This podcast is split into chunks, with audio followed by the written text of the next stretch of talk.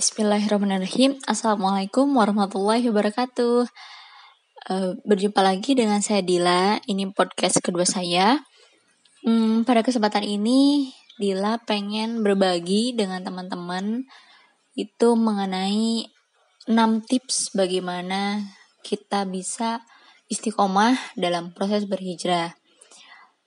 Spesial buat teman-teman yang mungkin dalam dirinya sedang ada keraguan, Bisakah saya istiqomah berhijrah? Bagaimana jika nanti ketika berhijrah ternyata belum baik amalannya, belum uh, apa ahlaknya tidak representatif terhadap pakaiannya. Mudah-mudahan ini bisa menjawab uh, keraguan teman-teman sehingga teman-teman memutuskan dan lebih tekadnya lebih bulat untuk berhijrah di jalan Allah Subhanahu wa taala. Tentunya ini uh, teori pun bukan sekedar teori karena Dila pribadi termasuk orang yang sempat dalam kondisi jahiliyah dalam arti dulu juga aku kerudung masih lepas pakai kemudian aku juga uh, bergaul dengan tidak cara yang syar'i maksudnya dengan laki-laki masih uh, bisa bercampur baur gitu. Nah tapi ada titik pada akhirnya alhamdulillah Allah membimbingku sehingga aku bisa melewati proses hijrah yang sampai hari ini tetap masih aku jalani. Dalam arti bukan aku sudah berhijrah tapi aku terus berhijrah. Dan kita berdoa mudah-mudahan Allah mengistiqomahkan uh, jalan kita mengistiqomahkan niatan kita sehingga terus berhijrah di jalan Allah. Ada enam tips yang ingin dilabagikan. Yang pertama tentunya uh, pertama kita harus tahu dulu nih bahwa Rasulullah pernah bersabda al muhajirin atau orang-orang yang berhijrah itu adalah mereka yang menjauhi larangan Allah. Jadi teman-teman berhijrah itu bukan cuman sekedar kita mentaati apa yang Allah perintahkan, tapi juga satu paket kita menjauhi apa yang Allah larang. Misalnya uh, hari ini saya ingin berhijrah uh, misalnya lewat pakaian dulu ya teman-teman yang perempuan khususnya yang tadinya tidak berkerudung menjadi berkerudung yang mungkin kerudungnya belum sempurna disempurnakan itu juga kan proses sebuah perubahan gitu. Nah bukan cuma sekedar itunya aja gitu tapi harus satu paket bagaimana orang yang berhijrah itu adalah menjauhi pacarannya juga menjauhi ribanya juga menjauhi uh, kholwat dan ikhtilat dengan lawan jenis gitu. Jadi itu satu paket teman-teman. Uh, dan mudah-mudahan teman-teman yang sedang menjalani proses itu Allah mudahkan sehingga bisa lebih cepat uh, menjalani proses perubahan tersebut. Nah, gimana sih biar kita bisa akselerasi diri, kemudian juga kita istiqomah di jalan Allah? Yang pertama tentunya berawal dari niat niat kita harus lurus. Kenapa teman-teman semua berhijrah? Dalam sebuah hadis riwayat Bukhari Muslim, Rasulullah pernah bersabda, sesungguhnya setiap amalan hanyalah tergantung dengan niat-niatnya. Dan setiap orang hanya akan mendapatkan apa yang dia niatkan. Maka, barang siapa yang hijrahnya kepada Allah dan Rasulnya, maka hijrahnya kepada Allah dan Rasulnya. Dan barang siapa yang hijrahnya karena dunia yang hendak dia raih, atau karena wanita yang hendak ia nikahi, maka hijrahnya kepada apa yang dia hijrah kepadanya. Itu hadis dari Rasulullah SAW. Artinya, ketika teman-teman berhijrah, Allah alam ya, Adila sendiri tidak tahu apa alasan teman-teman memulai untuk berhijrah. Mungkin ada yang karena alasan tadi ada alasan karena aku kalau berhijrah nanti dapat pekerjaan A. Aku lihat artis tersebut ketika berhijrah malah makin banyak hartanya misalnya ya. Ya kita akan mendapatkan itu gitu sesuai dengan apa yang kita niatkan. Ataupun karena ada uh, alasan lawan jenis misalnya kalau saya berkerudung nanti akang ini mau nikahin saya atau ketika saya menikah uh, apa berubah menjadi lebih baik, perempuan ini bersedia menjadi istri saya. Boleh, tapi tadi tentunya kita menginginkan adanya nilai ridho, nilai pahala di sisi Allah Subhanahu wa taala. Maka tentunya hijrah kita harus karena Allah dan Rasulnya saja.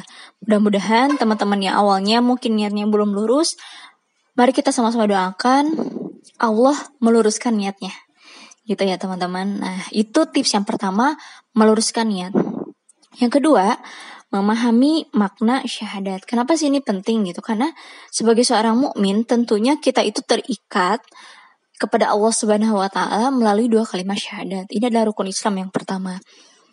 Kalau teman-teman mengkaji di Quran surat Al-Hujurat, surat ke-49 ayat 15, di sana Allah menyebutkan kriteria mukmin sebenarnya, yaitu orang-orang yang beriman kepada Allah dan Rasulnya, kemudian dia tidak ragu dan berjihad di jalan Allah dengan harta dan jiwanya. Berarti kriteria pertama adalah beriman kepada Allah dan Rasulnya. Tentunya iman itu kan bukan cuman diucapkan bukan cuman amalan tapi di, uh, ada niat dalam hati dikuatkan lewat uh, hati diucapkan atau diikrarkan dengan lisan kemudian diamalkan lewat perbuatan. Nah bentuk pengucapan kita sebagai seorang mukmin adalah uh, melalui dua kalimat syahadat atau kita menjadi seorang muslim adalah melalui dua kalimat syahadat. Makanya kita harus paham apa makna dari dua kalimat syahadat ini. Bukan cuman ya lafalnya asyhadu alla ilaha illallah wa asyhadu anna muhammadar rasulullah. Bukan cuman itu saja tapi konsekuensi apa sih yang akan kita uh, pertanggungjawabkan ketika kita uh, mengikatkan diri lewat dua kalimat syahadat itu. Kan itu sebuah perjanjian agung ya antara uh, seorang manusia dengan Allah dan Rasulnya. Itu seperti halnya ketika kalau teman-teman ada yang menikah itu kan akad saya uh, saya terima nikahnya itu bukan cuma sekedar ucapan biasa, tapi adalah bentuk akad dan ikrar pertanggungjawaban yang nanti akan kita pertanggungjawabkan di hadapan Allah Subhanahu wa taala gitu. Nah, makanya kita pun harus memahami makna dua kalimat syahadat ini. Tadi kalimatnya asyhadu alla ilaha illallah wa asyhadu anna muhammadar rasulullah. Kemudian implementasinya apa gitu? Apa bukti apa aplikasi amalanmu ketika kamu meyakini dan kamu bersaksi bahwa Allah itu adalah satu-satunya sembahan kita. Kemudian apa sih buktinya dari kamu mengucapkan bahwa Nabi Muhammad itu adalah tuntunan hidupmu gitu. Nah, itu harus diimplementasikan makanya tentunya harus kita memahami dua kalimat syahadat tersebut. Yang ketiga, mempelajari Al-Qur'an dan mengamalkannya. Nah, ini tentunya teman-teman berganti kostum atau berganti pakaian saja itu nggak cukup. Tapi kita juga harus terus mempelajari Al-Quran, memahami, kemudian mengamalkannya gitu.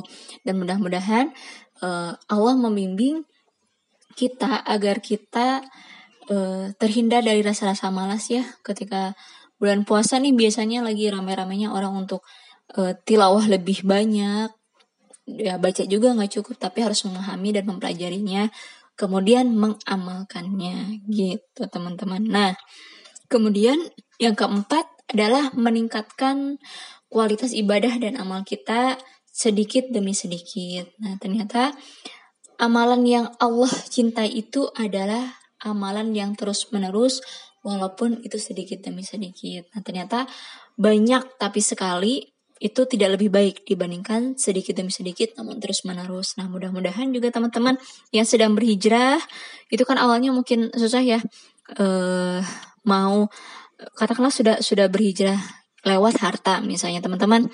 Bersedekah tuh kan kita latih lah gitu. Misalnya tiap datang ke masjid kita sholat di masjid berinfak atau bersedekah ke masjid tersebut. Ketemu lagi masjid yang lain masukkan uh, sebagian harta kita untuk bersedekah dan berinfak. Atau mungkin setiap bulannya ketika kita sudah punya penghasilan, baik dari pekerjaan, baik itu uh, dari usaha kita, ya sisihkanlah buat infak. Ketika satu tahun sudah ketemu nisob dan uh, haulnya, ya kita ber apa berzakat gitu. Nah itu sedikit demi sedikit lebih Allah cintai. Sebagai pembelajaran ya latih diri kita untuk terus menerus melakukan amal-amalan baik. Sesederhana teman-teman pengen kiamul lail, pengen duha, itu kan Masya Allah ya godaan syaitannya bangun susah, ngantuk, capek. Kalau siang misalnya mau berangkat ke kantor, berangkat kuliah kan dikejar waktu gitu. Itu kan godaan-godaan yang diuji untuk kita gitu. Nah, ketika perlahan kita melatih diri kita itu kita akan menjadi terbiasa bahkan uh, sampai pada titik mungkin nanti teman-teman mau ternyata tidak sengaja meninggalkan amalan sunnah itu kerasanya kayak sedih dan menyesal gitu loh gitu jadi jangankan untuk meninggalkan yang fardu jangankan meninggalkan yang wajib tertinggal yang sunnah pun ada rasa kecewa dalam diri, ada rasa sedih dan penyesalan kenapa saya bisa terlewatkan amalan sunnah tersebut gitu ya. Jadi itu pun tentunya proses yang bertahap teman-teman dan mudah-mudahan dengan proses latihan tersebut kita menjadi lebih istiqomah untuk berhijrah di jalan Allah. Kemudian yang kelima, bergaullah dengan orang-orang yang solih. Tentunya ini sangat berpengaruh teman-teman. Proses berhijrah kita tidak akan menjadi uh, lebih cepat ketika kita masih bergaul, kita masih main, bisa masih sering ngobrolnya dengan orang-orang yang malah mengajak kita kepada keburukan. Misalnya dulu mungkin teman-teman punya lingkungan uh, gaulnya yang masih senang pacaran atau senang berfoya-foya, masih senang mabuk-mabukan misalnya. Nah, itu harus dihindari. Artinya teman-teman harus menemukan lingkungan sahabat, lingkungan teman-teman yang lebih kondusif, yang tentunya saling mengingatkan dalam hal kebaikan dan kebenaran. Misalnya teman-teman boleh cari teman-teman tersebut ada di liko, mungkin di mentoring, di holako-holako, ataupun di kajian gitu. Jadi itu sebagai upaya kita untuk memperbaiki lingkungan kita sehingga kita memiliki supporting system yang benar-benar mendukung kita dalam proses hijrah tersebut gitu teman-teman. Kemudian yang terakhir adalah berdoa berzikir kepada Allah Subhanahu wa taala. Mudah-mudahan Allah mengistiqomahkan dan senantiasa meluruskan niat kita. Lima poin tadi adalah bentuk ikhtiar kita sebagai manusia. Tentunya ikhtiar kita saja tidak cukup teman-teman. Kita juga perlu ditolong oleh Allah, kita juga perlu karunia-Nya Allah sehingga Allah yang membantu kita dan meringankan beban kita untuk melewati proses hijrah tersebut. Tentunya godaannya akan sangat banyak, tapi kita tidak pernah dan tidak boleh luput dari memohon pada Allah semoga Allah memberikan karunia-Nya, memberikan pertolongan pada kita sehingga Allah yang akan terus menjaga hati kita sehingga terus merasa tenang, tentram eh, dan merasa sangat berbahagia dalam proses hijrah tersebut. Nah, itu teman-teman 6 tips yang bisa Dila bagikan buat teman-teman. Mudah-mudahan bermanfaat untuk Dila juga buat teman-teman yang mendengarkan di sini. Sampai jumpa di podcast selanjutnya. Wassalamualaikum warahmatullahi wabarakatuh.